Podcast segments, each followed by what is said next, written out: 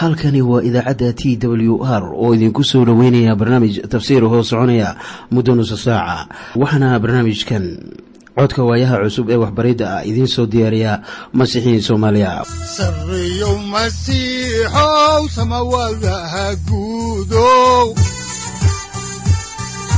Siraadki adduunkow subanaha eebow sareeyow masiixow samawadaha guudow siraadki adduunkow subanaha eebow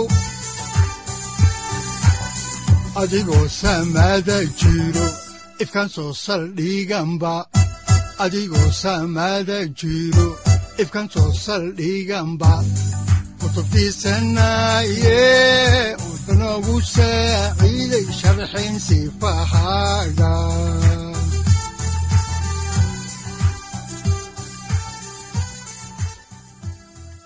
ku soo dhowaada dhegaystayaal barnaamijkeenna dhammaantiinba waxaannu dhexda kaga jirnaa taxanaheennii ahaa dhexmarka kitaabka quduuska ah. Waxaannu caawa idiin bilaabi doonnaa cutubka saddex iyo labaatanaad ee kitaabka saddexaad ee muuse oo loo yaqaanno laawiyiinta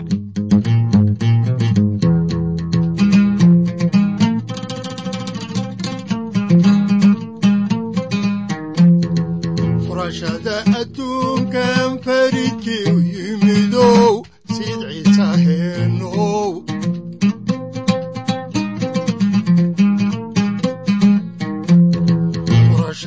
adduunkan faridkii u yimidow sayid ciise heenow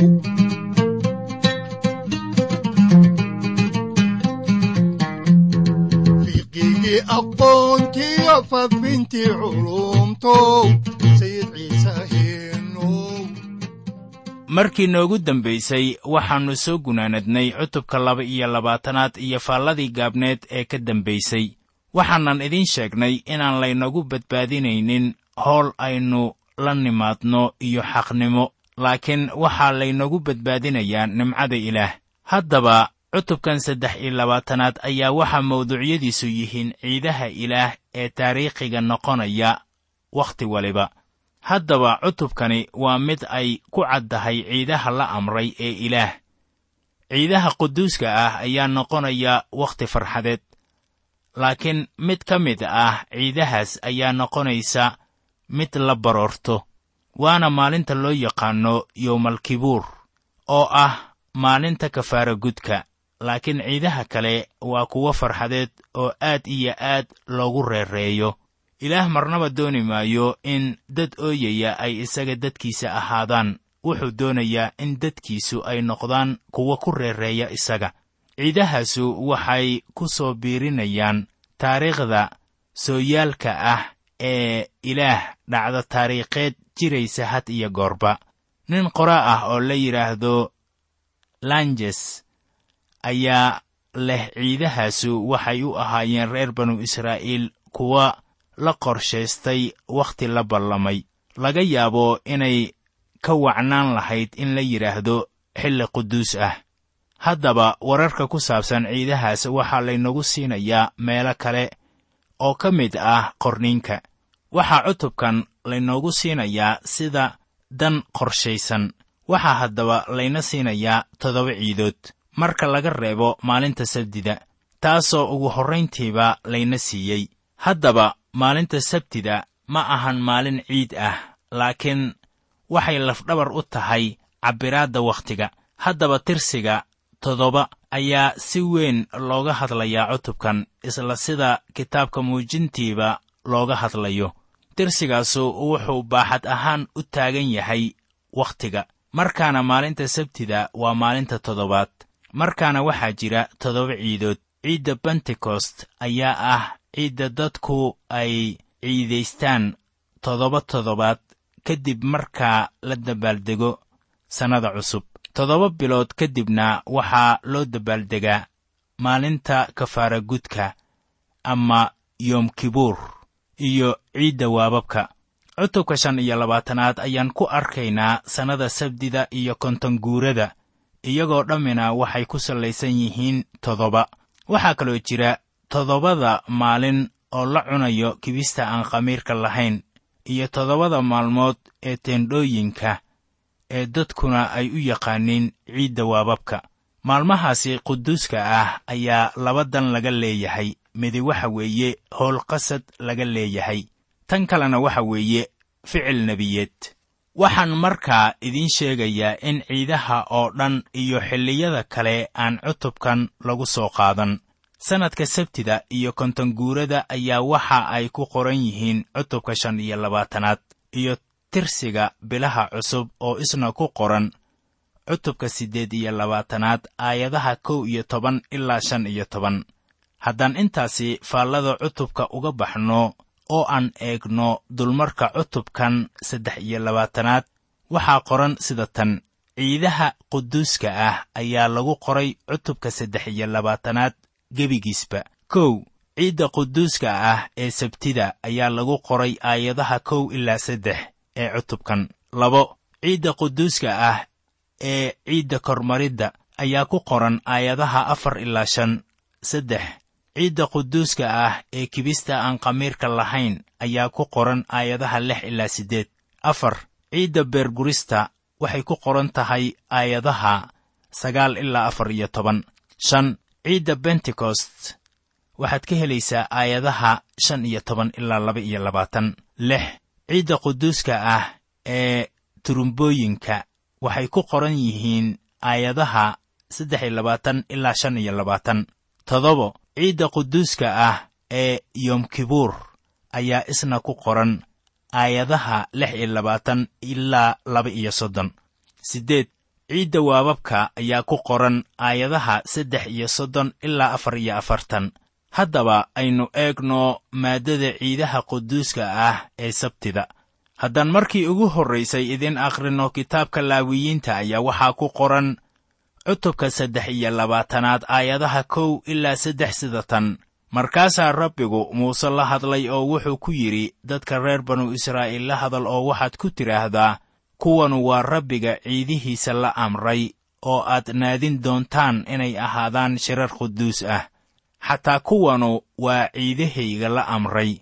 Lix maalmood waa in shuqul la qabtaa laakiinse maalinta toddobaad waa sabdi nasasho weyn leh oo ah shir quduus ah. Waa inaydnaan innaba shuqul qaban cayn kastoo uu yahayba. Waayo waa sabti ay tahay in rabbiga looga dhowro meel kastoo aad deggan tihiinba. Haddii aad garanayso markaan kitaabkan horay u sii ambaqaadno ayaa ilaah mar waliba uu hoga tusaalaynaya tusmadiisa dadka qaar. Waana wax hagaagsan oo maanka lagu hayo kuwa uu hoga tusaalaynayo tusmooyinka ama qaynuunnadan wuxuu u sheegayaa nebi muuse oo ahaa kan sharciga keenay.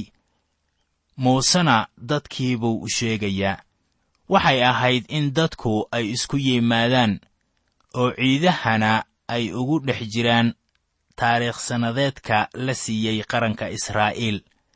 Maalin waliba ee quduus ah ayaa leh waxyaabo qaas ah oo la dhowrayo qaab waxyi ah oo dhammaystiran oo ay dunidan leedahay ayaa halkan laynagu siinayaa. Ciid waliba waxay leedahay dhacdo weyn oo lagu xusuusanayo barnaamijyada ilaah uu u hayo dunidan. Haatan aynu kala qaadanno ciidaha waxa ay u taagan yihiin ama matalayaan. Ciidda kormaridda waxay waxyi u noqonaysay qodbiddii iyo dhimashadii masiixa ciidda kibista aan khamiirka lahayn ayaa iyana u taagan ama ka dhigan wehelnimada aynu la yeelanayno masiixa dhimashadiisa darteed. Ciidda beergurashada waxay u taagnayd dhacdadii sarakiciddii masiixa. Ciidda bentekost ayaa iyana u taagan kiniisadda ciidda buunankuna waxay u taagan tahay in israa'iil mustaqbalka lagu soo celin doono dhulka maalinta weyn ee kafaaragudka ayaa iyana u taagan. Shaqada masiixu uu inoogu samaynayo iskutallaabta ciidda taambuugyada ayaa iyana u taagan wakhti israa'iil ay dhulka joogi doonaan.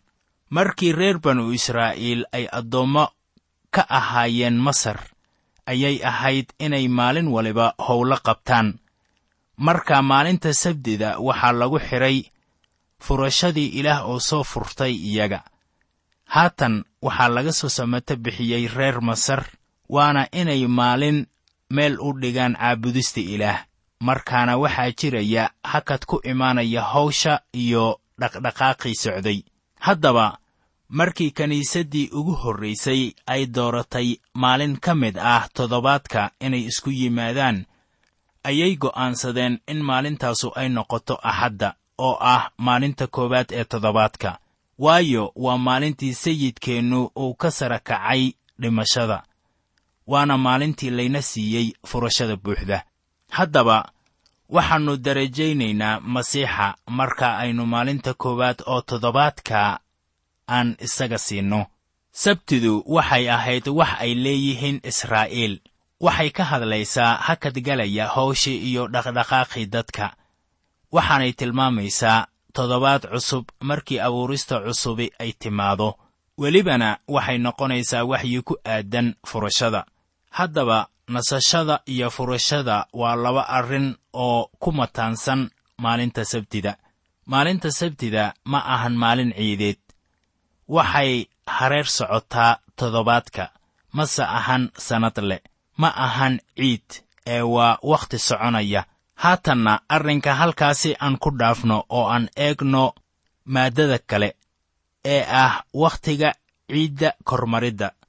Si bal aynu xaalkan wax uga ogaanno ayaannu doonaynaa inaan soo xiganno kitaabka laawiyiinta cutubka saddex iyo labaatanaad aayadaha afar ilaa shan waxaana qoran sida tan.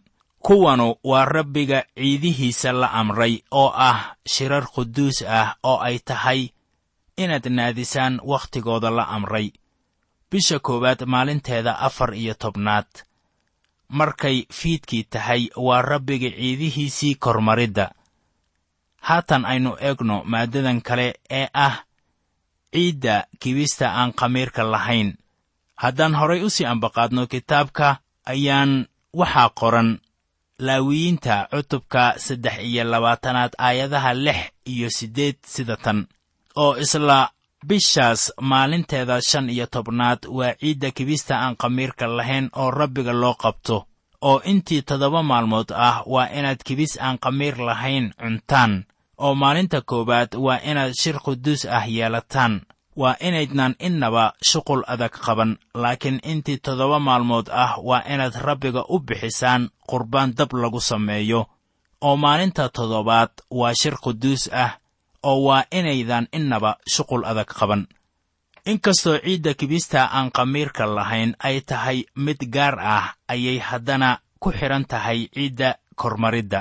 Ciidda kormaridda waxaa loo damaashaadaa hal maalin maalinta ku xigta ee ah maalinka koowaad ee toddobaadka ayaa waxaa bilaabanaya ciidda kibista aan khamiirka lahayn kibistaas aan khamiirka lahayn ayaa la doonayey in dadku ay cunaan toddoba maalmood. Ka bilaabata maalinta ka dambaysa kormaridda. Markaan eegno injiilka sida matayos uu u qoray iyo kan markos ayaa kormaridda iyo ciidda kibista aan khamiirka lahaynba laga dhigaa hal ciid. Tan khamiirka ayaa halkan iyo meelo kaleba u taagan dembiga ama sharka. Haddaba dhiigga ciise masiix ayaa ina nadiifinaya taasina waa macnaha ay leedahay ciidda kibista aan khamiirka lahayn. Haddaan intaasi uga gudubno arrinkaasi ayaan haatan eegaynaa ciidda quduuska ah ee beergurashada. Haddaan halkaasi ka sii wadno kitaabka laawiyiinta ayaa waxaa ku qoran cutubka saddex iyo labaatanaad aayadaha sagaal ilaa kow iyo toban sida tan markaasaa rabbigu muuse la hadlay oo wuxuu ku yidhi dadka reer banu israa'iil la hadal oo waxaad ku tidhaahdaa dalka aan idin siinayaa markaad gashaan oo aad midhaha goosataan markaas waxaad wadaadka u keentaan xirmo ah beergooska midhihiisa ugu horreeya oo isna xirmada waa inuu ku ruxruxaa rabbiga hortiisa si laydin aqbalo oo maalinta sabtida ka dambaysa wadaadku waa inuu ruxruxaa ciidda la qaban maayo ilaa israa'iil ay ka tagaan cidlada oo ay soo galaan dhulkii loo ballanqaaday markii ay dhulka badarkooda ku beertaan waxay ahayd inay keenaan xirmo ah beergooskooda ugu horreeya oo markaasna way goynayaan oo waxay ka dhiganayaan xirmo. Waxaana la keenayaa taambuugga oo wadaadka ayaa ilaah u bixinaya haddaba rumaystayaasha maanta iyo kuwo horeba waa beergurista ama midhaha soo baxaya. Haddaan halkaasi ka sii ambaqaadno kitaabka oo aan eegno laawiyiinta cutubka saddex iyo labaatanaad aayadaha laba iyo toban ilaa afar iyo toban waxaa qoran sida tan. Oo maalinta aad xirmada ruxruxdaan wan yar oo aan iin lahayn oo gu' jira waa inaad rabbiga ugu bixisaan qurbaan la gubo aawadiis.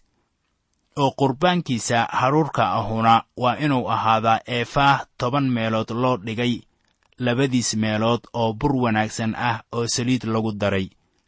Kaasoo ah qurbaan dab lagu sameeyo oo rabbiga caraf udgoon u ah. Oo qurbaankiisa cabniinka ahuna waa inuu ahaadaa khamri kaasoo ah hiin afar meelood loo dhigay meesheed oo waa inaydan cunin kibis ama haruur duban ama sabuullo cusub ilaa isla maalintaas. Jeeraad keentaan qurbaankii ilaahiinna kaasu weligiinba waa idin qaynuun tan iyo ka'ab ka'ab meel kastoo aad deggan tihiinba. Haddaba qurbaanka waxaa la socda damaashaadka maalintaas halkan laguma arko wax qurbaan dembi ah oo la samaynayo waayo taas waxaa lagu daray dhimashadii masiixa. Halkaasna waa meeshii uu ku dhammeeyey su'aashii dembiga. Qurbaannadaas waa kuwo leh carafta udgoon. Haatan waxaynu soo gaarnay maaddada qusaysa xilliga ciidda bentekost waxaan filayaa inaad maanka ku haysaan waxyaabaha ciiduhu ay u taagan yihiin maadaama aynu soo gaarnay ciidda bentekost ayaa waxaa habboon si loo garto lafdiga ciiddu leedahay inaan eegno kitaabka laawiyiinta cutubka saddex iyo labaatanaad aayadaha shan iyo toban ilaa lix iyo toban. Waxaana qoran sida tan oo maalintii aad keenteen xirmada qurbaanka la ruxruxo oo ah maalinta ka dambaysa sabtida waxaad ka tirsataan toddoba toddobaad oo kaamil ah oo waxaad tirsataan konton maalmood ilaa maalinta ka dambaysa sabtida toddobaad oo dabadeedna waxaad rabbiga u bixisaan qurbaan haruur cusub ah. Haddaba waxaan idiin sheegayaa dhegaystayaal in ciidda bentekost ay mar waliba timaado ama loo dabaaldego maalinta koowaad ee toddobaadka. Haatanna aynu horay u sii ambaqaadno kitaabka oo aan eegno aayadaha toddoba iyo toban ilaa kow iyo labaatan ee cutubka saddex iyo labaatanaad waxaana qoran sida tan. Oo waa inaad rugihiinna ka keentaan laba kibsood oo ah qurbaan la ruxruxo oo ah eefaah toban meelood loo dhigay labadiis meelood oo waa inay bur ahaadaan oo waa in khamiir lagu dubaa oo rabbiga loogu keenaa qurbaan midhaha ugu horreeya oo waxaad kibista la keentaan toddoba wan oo yar yar oo aan iin lahayn oo wada gu' jir ah iyo dibi yar iyo laba wan oo waaweyn oo waa inay rabbiga u ahaadaan qurbaan la gubo oo waxaad iyaga la keentaan qurbaannadooda haruurka ah iyo qurbaannadooda cabniinka ahba. Kuwaasoo wada ah qurbaan dab lagu sameeyo oo rabbiga u ah caraf udgoon oo waa inaad bixisaan orgi qurbaan dembi ah iyo laba wan oo yar yar oo gu' jira oo ah allabari qurbaanno nabaaddiinne ah. Oo wadaadku waa inuu rabbiga hortiisa qurbaan la ruxruxo iyaga ugala ruxruxaa kibista midhaha ugu horreeya oo raacda labada wan oo yar yar oo iyaga quduus bay rabbiga u ahaan doonaan wadaadka aawadiis. Oo isla maalintaas waa inaad naadisaan inuu shir quduus ah idiin jiri doono oo waa inaydan dharaartaas shuqul adag qaban waayo kaasu weligiinba waa idin qaynuun tan iyo ab ka ab. Meel kastoo aad deggan tihiinba oo markaad beeraha dhulkiinna goosataan waa inaydan dhammaan wada goosan midhaha ku yaal beertiinna geesaheeda oo weliba waa inaydan wada urursan xaabxaabka beergoosadkiinna. Waa inaad u daysaan miskiinka iyo shisheeyaha waayo aniga ayaa ah rabbiga ilaahiinna ah. Haddaba kuwaasu waa hadallada rabbiga maalintan quduuska ah waxay ahayd in dhulka oo dhan looga dabaaldego oo markaas la dabaaldegayo ayay ahayd in la xusuusnaado dadka saboolka ah iyo shisheeyaha dhulka deggan. Iminkana aynu eegno maaddada ku saabsan ciidda buunanka. Haddaan dib ugu noqonno xigashada kitaabkan saddexaad ee muuse oo loo yaqaanno laawiyiinta ayaannu eegaynaa cutubka saddex iyo labaatanaad aayadaha saddex iyo labaatan ilaa shan iyo labaatan waxaana qoran sida tan. Markaasaa rabbigu muuse la hadlay oo wuxuu ku yidhi dadka reer banu israa'iil la hadal oo waxaad ku tidhaahdaa bisha toddobaad maalinteeda koowaad waxay idin ahaan doontaa nasasho weyn oo ah buun afuufid xusuus ah iyo shir quduus ah oo innaba waa inaydan shuqul adag qaban oo waa inaad rabbiga u bixisaan qurbaan dab lagu sameeyo. Haddaba buun afuufiddan wuxuu ku sallaysan yahay taariikhda israa'iil markii ay dhex lugaynayeen lamadegaanka waxay ahayd in toddoba jeer buunanka laga dhawaajiyo si dadku ay isugu diyaariyaan socodka dheer ama safarka. Marka ay yara nagaadaan iminkana waxaannu soo gaarnay maaddo kale oo ku saabsan ciidda quduuska ah ee yoom kibuur ama maalinta kafaara gudka haddaan si toos ah idinku bilowno kitaabka ayaa waxaa ku qoran cutubka saddex iyo labaatanaad aayadaha lix iyo labaatan ilaa laba iyo soddon sida tan. Markaasaa rabbigu muuse la hadlay oo wuxuu ku yidhi habase yeeshee bishan toddobaad maalinteeda tobnaad waa maalinta kafaara gudka oo waa inay idin ahaataa shir quduus ah oo waa inaad nafihiinna dhibtaan oo waa inaad rabbiga u bixisaan qurbaan dab lagu sameeyo oo isla maalintaas waa inaydan waxba shuqul ah qaban ceen kasta ha ahaadee waayo taasu waa maalintii kafaara gudka in kafaara gud laydinku sameeyo rabbiga ilaahiinna ah hortiisa oo qof kasta ha ahaadee kii aan maalintaas la dhibin. Dadkiisa waa in laga gooyaa oo qof kasta ha ahaadee kii maalintaas wax shuqul ah qabtaa ceen kasta uu yahayba. Qofkaas ayaan ka dhex baabi'in doonaa dadkiisa. Waa inaydan innaba shuqul qaban ceen kastoo uu yahayba oo kaasu weligiinba waa idin qaynuun tan iyo ka'ab ka'ab meel kastoo aad deggan tihiinba. Oo dharaartaasu waxay idin ahaan doontaa sabti nasasho weyn leh oo waa inaad nafihiinna dhibtaan oo maalinteeda sagaalaad waa inaad dhowrtaan. Sabtidiinna tan iyo fiid ilaa ka fiid maadaama hadalladaasu ay ahaayeen kuwii ilaah ayaan idiin sheegayaa in maalintan weyn ee kafaara gudka looga hadlay cutubka lix iyo tobanaad haatanna waxaynu soo gaarnay maaddada ugu dambaysa ee ah ciidda taambuugyada ama waababka.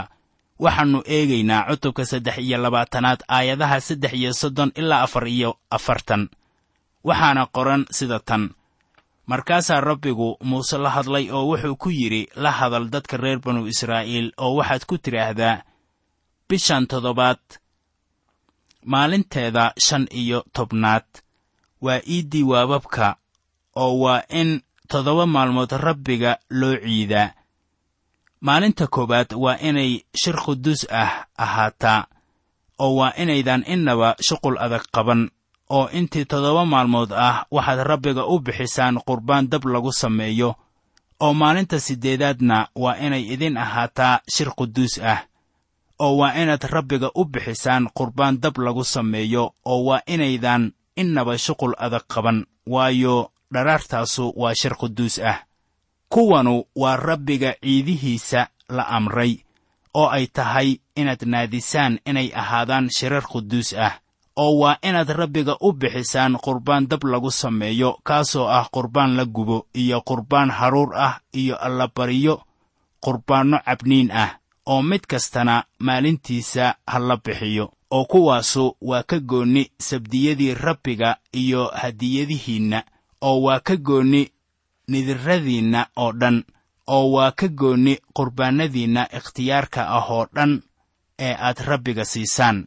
Habase yeeshee bisha toddobaad maalinteeda shan iyo tobnaad markaad midhaha dhulka soo urursataan waa inaad intii toddoba maalmood ah rabbiga ciidihiisa dhowrtaan. Maalinta koowaad waa inay ahaataa nasasho weyn oo maalinta siddeedaadna waa inay ahaataa nasasho weyn oo maalinta koowaad waxaad soo qaadataan midhaha dhirta wanaagsan oo laamo cawbaar ah iyo dhir waaweyn laamaheed iyo safsaafka durdurka oo waa inaad rabbiga ilaahiinna ah hortiisa ku rayraysaan intii toddoba maalmood ah oo sannadiiba toddoba maalmood waa inaad rabbiga ciid u qabataan oo kaasu waa qaynuun weligiis idiin jira tan iyo ka'ab ka'ab oo iiddaas waa inaad bisha toddobaad dhowrtaan intii toddoba maalmood ah waa inaad waabab ku hooyataan.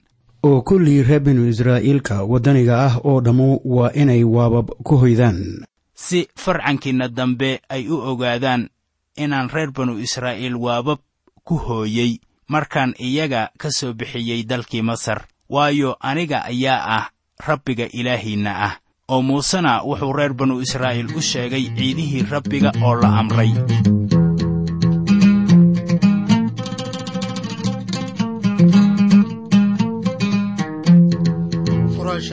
Adduunkan faridkii u yimidow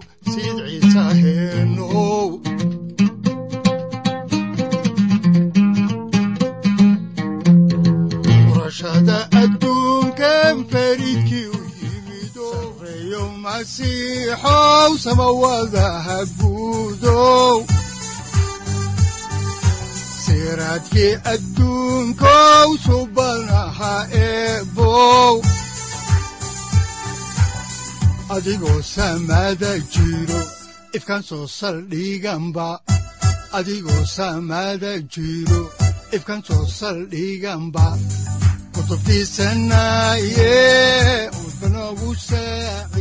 halkani waa t w r idaacadda t w r oo idinku leh ilaa ha idin barakeeyo oo ha idinku anfaco wixii aad caawi ka maqasheen barnaamijka. Waxaa barnaamijkan oo kalaa aad ka maqli doontaan habeen dambe hadahan oo kale haddiise aad doonaysaan in aad fikirkiina ka dhiibataan wixii aad caawi maqasheen ayaad nagala soo xiriiri kartaan som t w r at t w r c o k e haddii aad doonaysaan in aad dejiisataan oo kaydsataan barnaamijka ama aad mar kale dhegaysataan fadlan mar kale booqo www t w r o r g amase waxaad teleefoonkaaga ku kaydsataa ama ku download garaysataa agabyada ku sahli karaa dhegeysiga t w r haddii aad doonayso in laga kaalmeeyo dhinacyada fahamka kitaabka amase aad u baahan tahay duco fadlan fariimahaaga soo mari bogga aaraahda ama kommentska inana jawaab deg deg ah ayaanu ku soo diri doonaa amase ku siin doonaaye